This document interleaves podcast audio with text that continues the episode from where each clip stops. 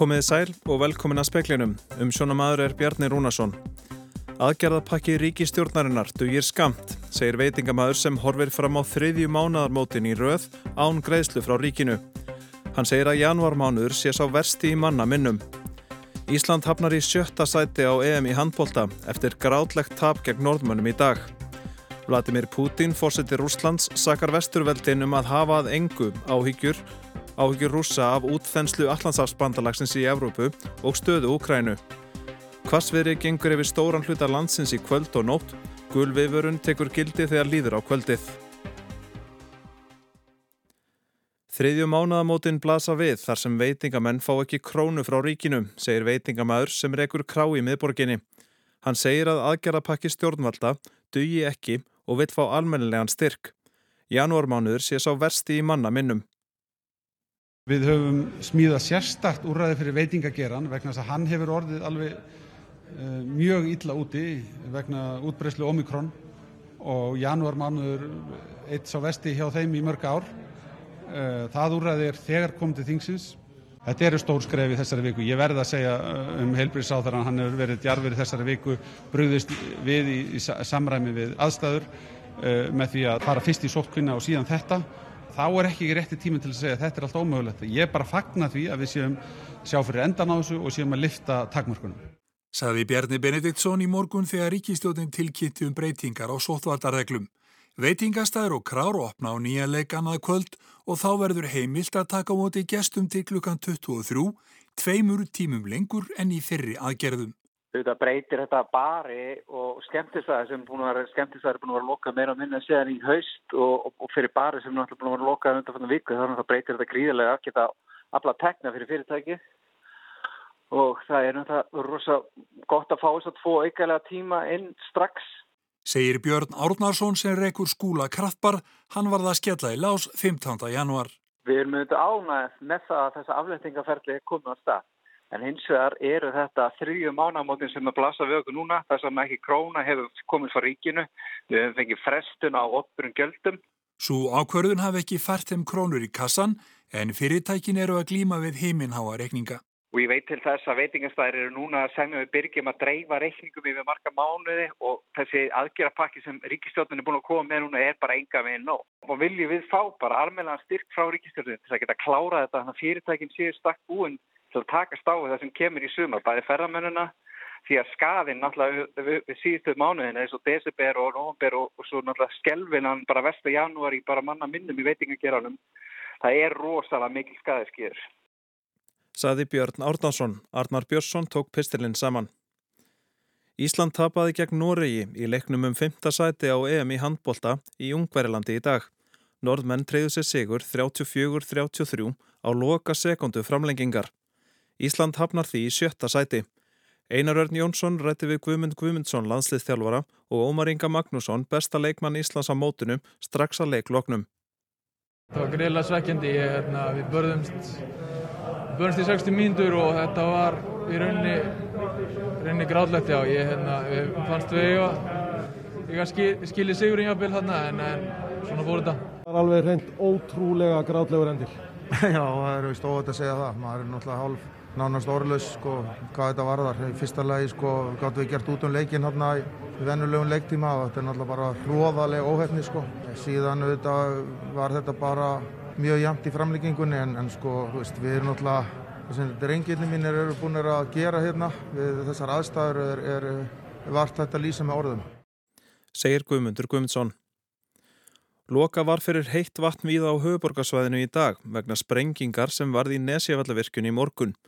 Lokað var fyrir heitt vatn í nokkrum hverfum í Kópavogi og Garðabæ en þeirri lokun átti að ljúka núna um klukkan 6. Frekar lokanir voru bóðar en nesjafjallavirkun starfa nú á fullum afkastum í heitavittunni og því þarf ekki að loka fyrir heitt vatn víðar á höfuborgarsvæðinu fram á kvöld eins og til stóð. Fangelsi landsins eru undir mönnuð og öryggi fanga og starfsfólks er ógnað. Fangavarðafélag Íslands og Afstada, félag fanga, skorar á stjórnvöld að ráða bóta vandanum. Í yfirlýsingum sem félagin sendi frá sér í dag er skorað á stjórnvöld að líta upp úr minnisblöðum sóttvarnalæknis og skoða stöðuna betur víðar í samfélaginu. Garðar Sveinsson er trúnaðar maður fangavarðafélags Íslands. Við erum undir mannaðir í störfum okkar og á sama tíma hafa raunni erfiðir einstaklingar sem eiga við salræn og geðræn vandamála stríða verið vistar í fangilsum og sem að og á móti hefur ekki verið komið á móts við það rauninni með aukinni mönnum til þess að sinna þessum einstaklingum. Fangaverðir hafi ekki fengið fræðslu í meðhundlun þessa hóps, fangelsin ekki búin eða hönnu til að sinna honum og ítrykkað hafi andlega veikir fanga ráðist á bæði aðra fanga og starfsfólk. Nú síðast í janúar með þeim afleðingum að tveir fangaverðir þurfti að leita sjúkrahús með töluverða áverka. Þar voru líkist tveir fangaverðar sinnónum en hefði rauninni þurfti að vera þrý til fjórir. Þannig að þetta kemur niður á öryggi okkar og þeirra. Þessi maður hefði getað jafnvel valdið lífskaða í þessari árásinni ef það hefði komið fleiri til aðstofar. Félagin skora á stjórnvöld að leysa strax úr stöðu mála og tryggja viðunandi mönnun og öryggi, bæði fanga og starfsfólks. Sóleik Klara Ragnarstóttir tók saman. Gul veður viðvörun tók gildi klukkan 5 á vestfjörðum og Norðurlandi eistra vegna kvassviðris og jelja en veðurstofan hefur gefið út viðvaranir í kvöld víðar á landinu. Víða verða kviður um 15 til 25 metrar á sekundu og ímist snjókoma eða jél. Kviður geta náð alltaf 35 metrum á sekundu í vindstrengjum. Veðrið verður að mestu gengir niður í fyrramálið. Flug hált er á kjósaskarði og í kvalferði. Hálka eða hálkublettir eru á flestum öðrum leiðum. 38 heimilismenn á hjúgrunarheimilinu Sunnulíði í Kópavogi hafa greinst með COVID. Kristján Sigursson, framkvæmdastjóri, segir að staðan hafi aðeins versnað eftir að sjö smitt greindust í gær. Hann segir það tölvert púslað manna vaktir því 19 starfsmenn séu annarkvort í sótkví eða í einangrunn. Hann segir að þrátt fyrir fjölda smitta sé lítið um veikindi. 66 eru með varanlega búsetu á Sunnulíð. Vladimir Putin, fórsetir Rúslands, sakaði vesturveldin um að taka ekkert tillit til öryggis hagsmuna rúsa þegar hann rætti í síma í dag við Emmanuel Macron, fórseta Fraklands. Áhyggjur þeirra beinast engum að útþenslu Allandsafsbandalagsins í Evrópu og því að Úkræna kunni að fá aðild að bandalaginu.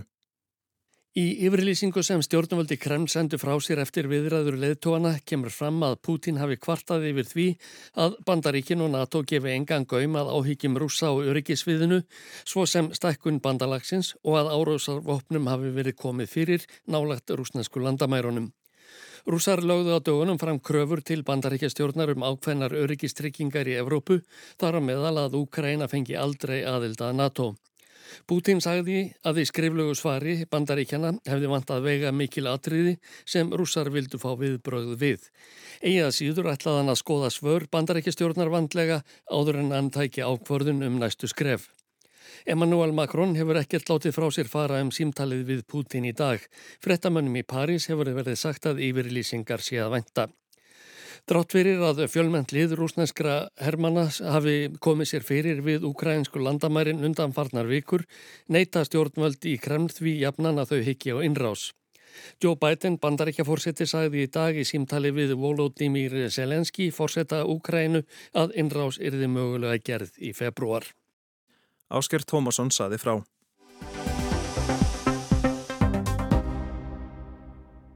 Aflýtinga áallum stjórnvalda var kynnt í dag.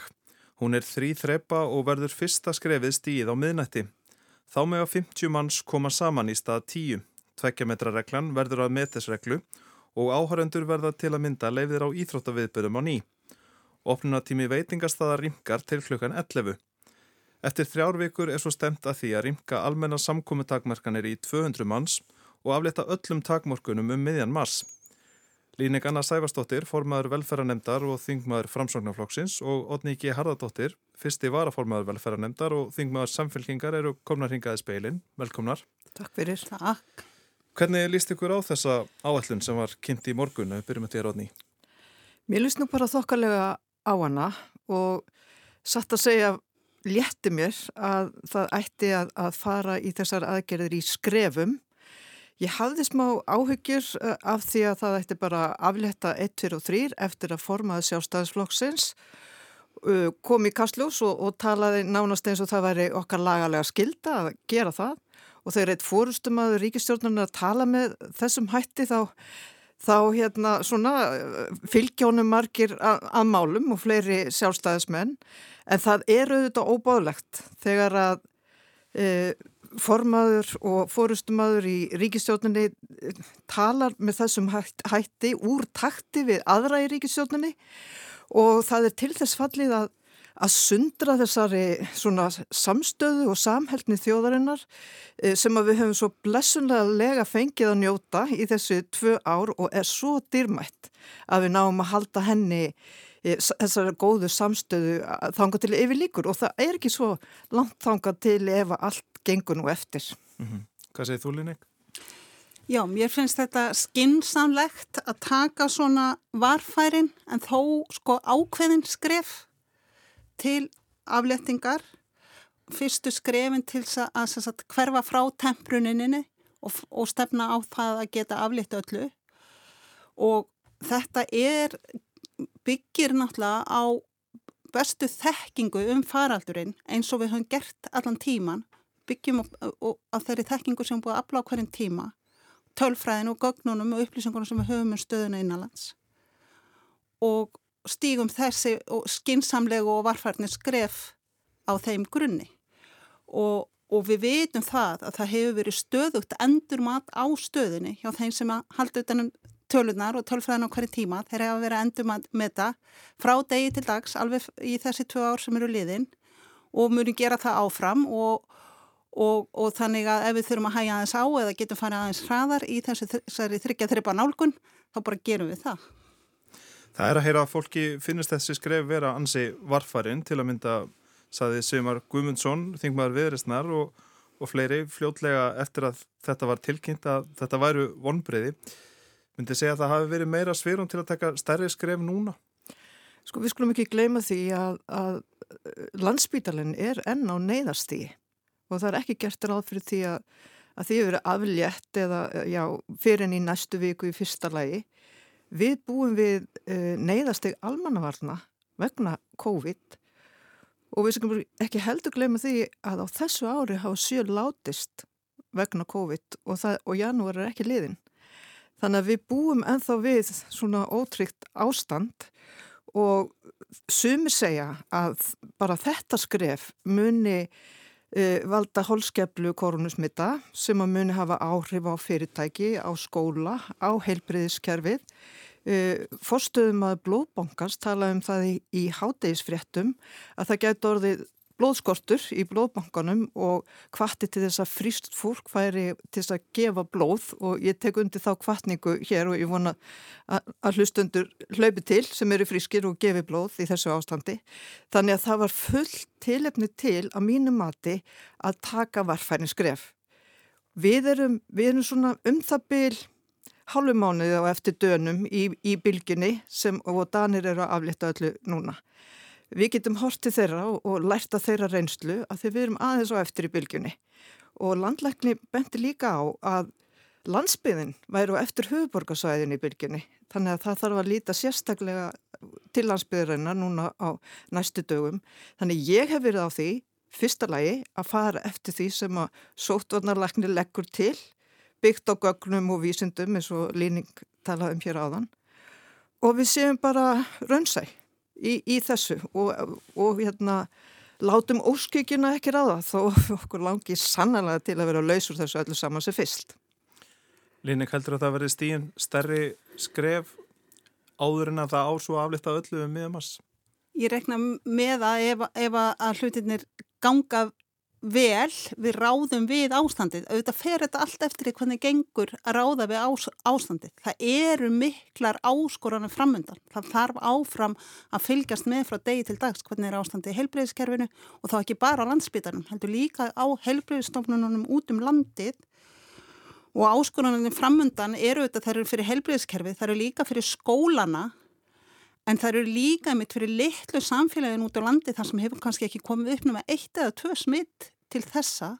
Og mér verður nú hugsað í mína heimabegð þar sem að þarf á hverju einustu hönd að halda næstu vikurnar til að gera sem mest verðmætt úr loðnunni sem er, er verið að landa þessa dagana og, og verðmaðastasta tímabilið framöndan, akkurat þessar sex vikur sem eru framöndan, þar munum enn öruglega að fara varlega áfram og reyna að, að mæta þess, þessum áskorunum sem eru náttúrulega við það að smittin breyðast enn meira út um samfélagið.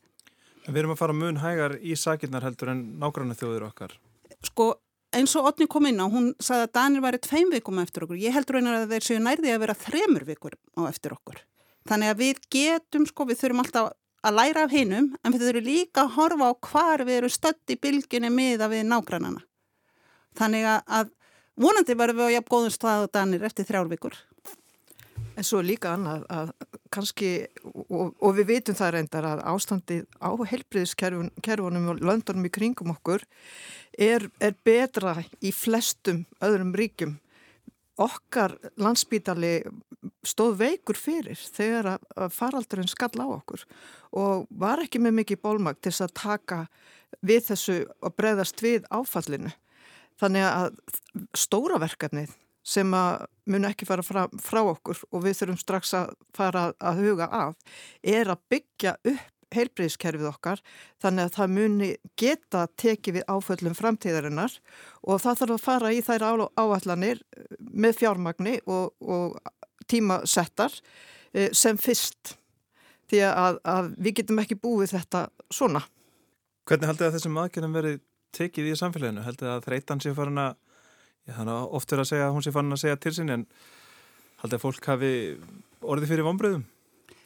Ég held nú að flestir sem eru bara raunsægir og með báða fætur í jörðinni átti segja á því að ef að hér verður engar, engar takmarkanir og, og korunu verið faraldurinn bara veður, vildur um samfélagið að það muni hafa það, það muni hafa alvarlegar afleggingar. Við getum bara teiknað upp svona dæmi, við getum hort á deildir á landsbytalan þar sem kemur upp hópsmitt, sjúklingar sem að þurfa á þjónusta landsbytalans að halda út á öðrum sjúkdómum heldur en COVID þeirra lífskeiði munu skerðast og, og, og þau munu hérna, kvæljast fyrir, fyrir vikið og það er, og það er að teikna upp alls konar svona, svona sviðsmyndir sem við viljum ekki horfa á og þess vegna er betra að taka ákveðin en, en skynnsalmi skref og ef það gefur bakslag að þá sé hægt að fara tilbaka uh, með, með svona tiltölu einföldum hætti.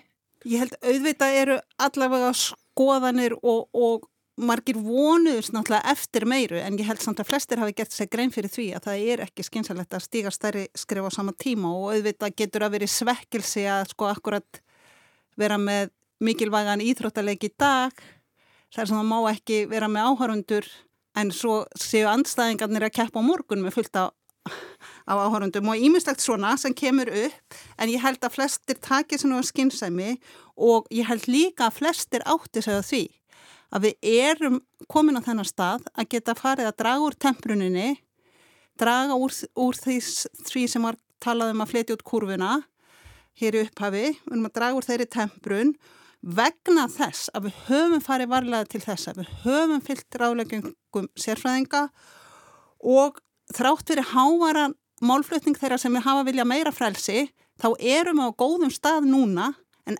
vegna þess að við höfum farið varlega en ekki vegna þess að við höfum fyllt þeirri þeim málflutningi. Og frelsi eru þetta mikilvægt en, en frelsi mitt má ekki verða til þess að skerða frelsi annara og það þurfum við að hafa í huga. Við erum með hópa í samfélaginu sem eru berskjaldadir og við erum ekki að skilja þá eftir þó að við sem erum frisk sem viljum sleppa öllu lausu. Við komumst ekki lengra. Ótningi Haraldóttir og Líningarna Sæfarsdóttir, takk hjá það fyrir komuna í speilin. Takk fyrir. Takk fyrir.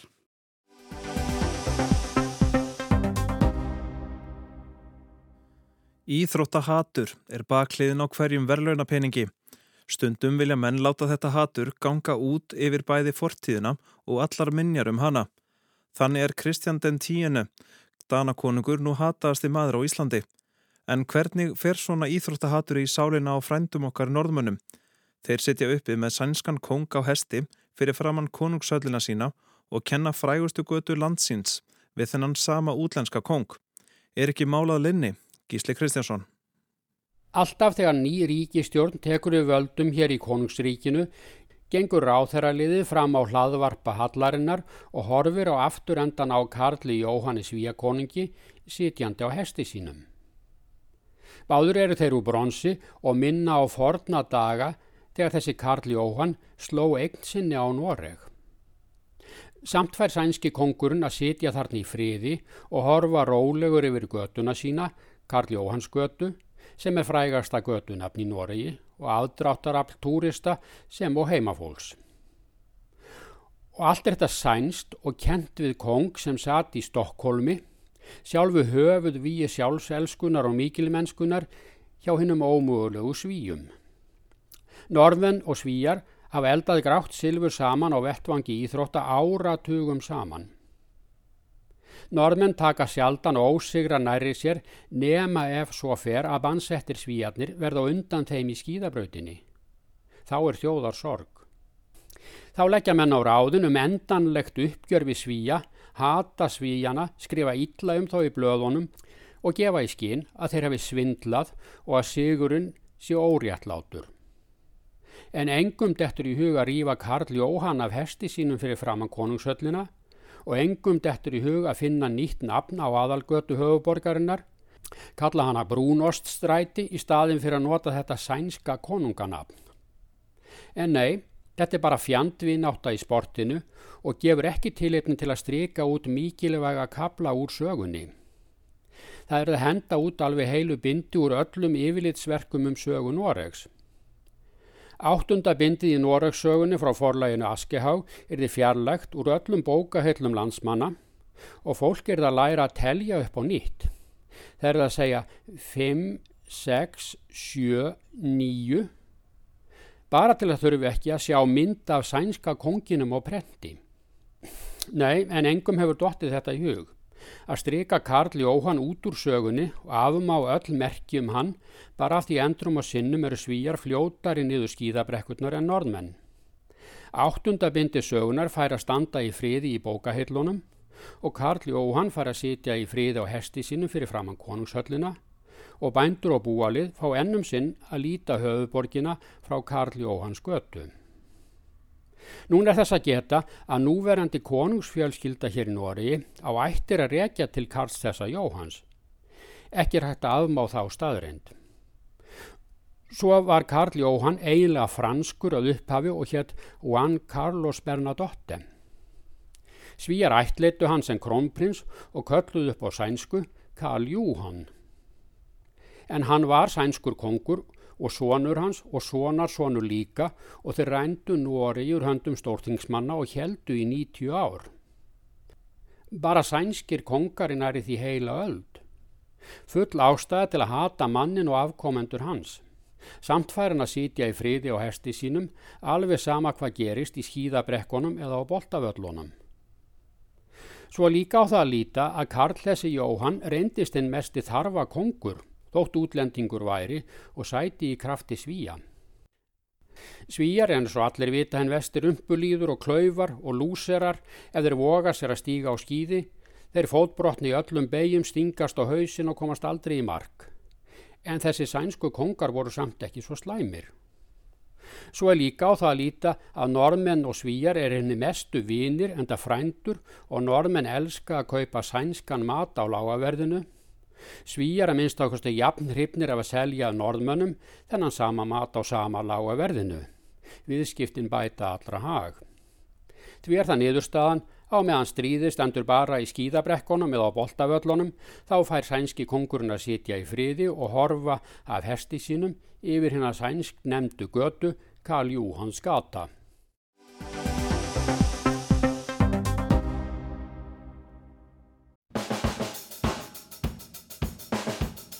Á sunnudag eru 50 á liðin frá því að breski herin skaut 13 katholika til bana og særði aðra 13 skotsárum í mótmálagöngu í borginni Derri á norður Írlandi.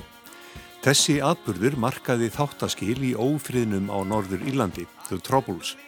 Átökin, hörnuðu og ofbeldið jógstum allan helming, allt þar til friðarsankumlag var undirritað í april 1998, 26 árum síðar. Gunnar Hansson, dagskrakiramaður á Rúf og Solveig Jónsdóttir, reytöfundur og stjórnmálafræðingur heimsóttu derri fyrir í mánuðinum og rættu við fólk sem varð vittni að þessum atbyrði, blóðuga sunnudeginum. Afrakstur þessara ferðar má heyra í tveimur klukkustundar lungum útastáttum á rás 1 á morgun, lögardag og á sunnudag klukkan 15 og í kastljósi á mánudag. Þarna var í rauninni, það var búið að krauma undinir og ekki bara undinir, það voru búið að vera mikil mótmæli og kröfugöngur út af allri sögunni sem á undan kom. Því að það var búið að fara ítla í rauninni, katholikar hafðu verið annars flokks borgarar í eigin landi á norður Írlandi sem að þetta tilheriði Breitlandi eða Englandi og það var búið að vera kerkja og óerðir og ófríður sem að samt þennan dag 30. janúar 1972 þegar þetta gerist að breski herin í rauninni þessi uh, fallífa herldin skýtur alla þessa til bana og það eru týjir sem að særast líka þarna bara er kveikt í púðurtunnu sem springur og í framhaldinu þá fer ofbeldið upp í nýjar hæður og í næstum því 30 ár þá eru um það byrj 3500 manns sem að láta lífið í þessari bara borgarastyrjöld og þessi atbyrður sprengir þetta allt saman upp og verður til þess að áfbeldi fyrir algjörlega á nýtt stig. Þið fórið þarna út, þú og Solveig. Fannstu fyrir því að þessi atbyrður, hann lifir enþá stert í vitund fólks? Já, svo sannarlega. Eh, allir viðmælendur okkar, það er að segja allir fyrir utan tvær sem eru dætur Ævan Kúper sem var aðal skipulegjandin í þessum degi og þær fættust eftir Blottísandi. Allir hinnir upplifðu sunnudaginn annarkort voru í göngunni eða voru mjög nálagt allan í borginni og áttu auðvitað vini og fjölskyldu fólk sem að lesta á þessum degi eða eitthvað slíkt. Þannig að þessi atbörður og auðvitað allt sem á eftir honum fylgdi var, er ennþann dag í dag ljóslifandi í kollið þeirra að því að það er auðvitað öll líka sagan sem að fylgda á eftir. Fyrst er gerður rannsóknaréttur vitsir í rannsóknin það sem að, sem að nánast kvítþvottur á breska hernum en svo er sem betur fyrr fór í gang önnur rannsókn, Savil rannsóknin og þar komur réttu hlutinir í ljós. Þannig að fólkið og aðstandendur voru í rauninni og eru jafnvel ennþann dag í dag að leita eftir réttlæti því að þau fengu ekki réttlæti nema jú að hluta til eftir niðurstöðu Savilrannsóknarinnar. Nú verið fríðir á Norðurlandi hvað er 24 ár? Sárin þau eru ekki grónin? Nei, sárin eru ekki grón og sérstaklega ekki hjá fólki sem var á lífi. Það er svona mesta vonin finnum aður, við töluðum við fólkið um þetta, er kannski unga kynnslóðin sem að annarkort var það ung þegar ófríðurinn var, the troubles eða þá er jafnvel fætt eftir það.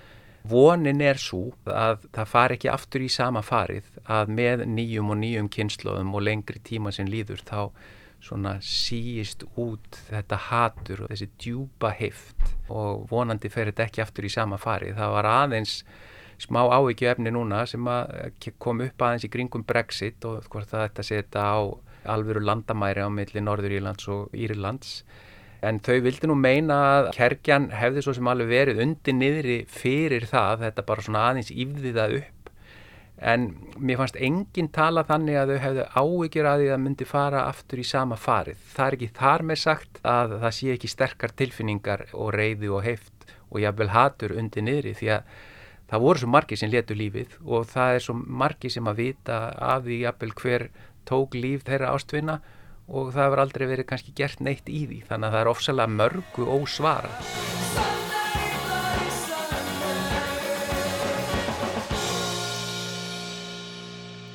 Kristján Sigurjónsson tók þennan pistil saman og talaði við Gunnar Hansson. Það var helst í speiklunum í kvöld að aðgerðarpakki ríkistjórnarinnar dugar skamt, segir veitingamæður sem horfir fram á þriðju mánaðamótin í röð án greiðslu frá ríkinu. Hann segir að januarmánuður sé sá versti í manna minnum. Ísland hafnaði í sjötta sæti á EM í handbólta eftir grátlegt tap gegn norðmönum í dag. Vladimir Putin fórsetir Rúslands sakar vesturveldin um að hafa að engu áhyggjur rúsa af útþenslu Allandsafsbandarlagsins í Evrópu og stöðu Úkrænu.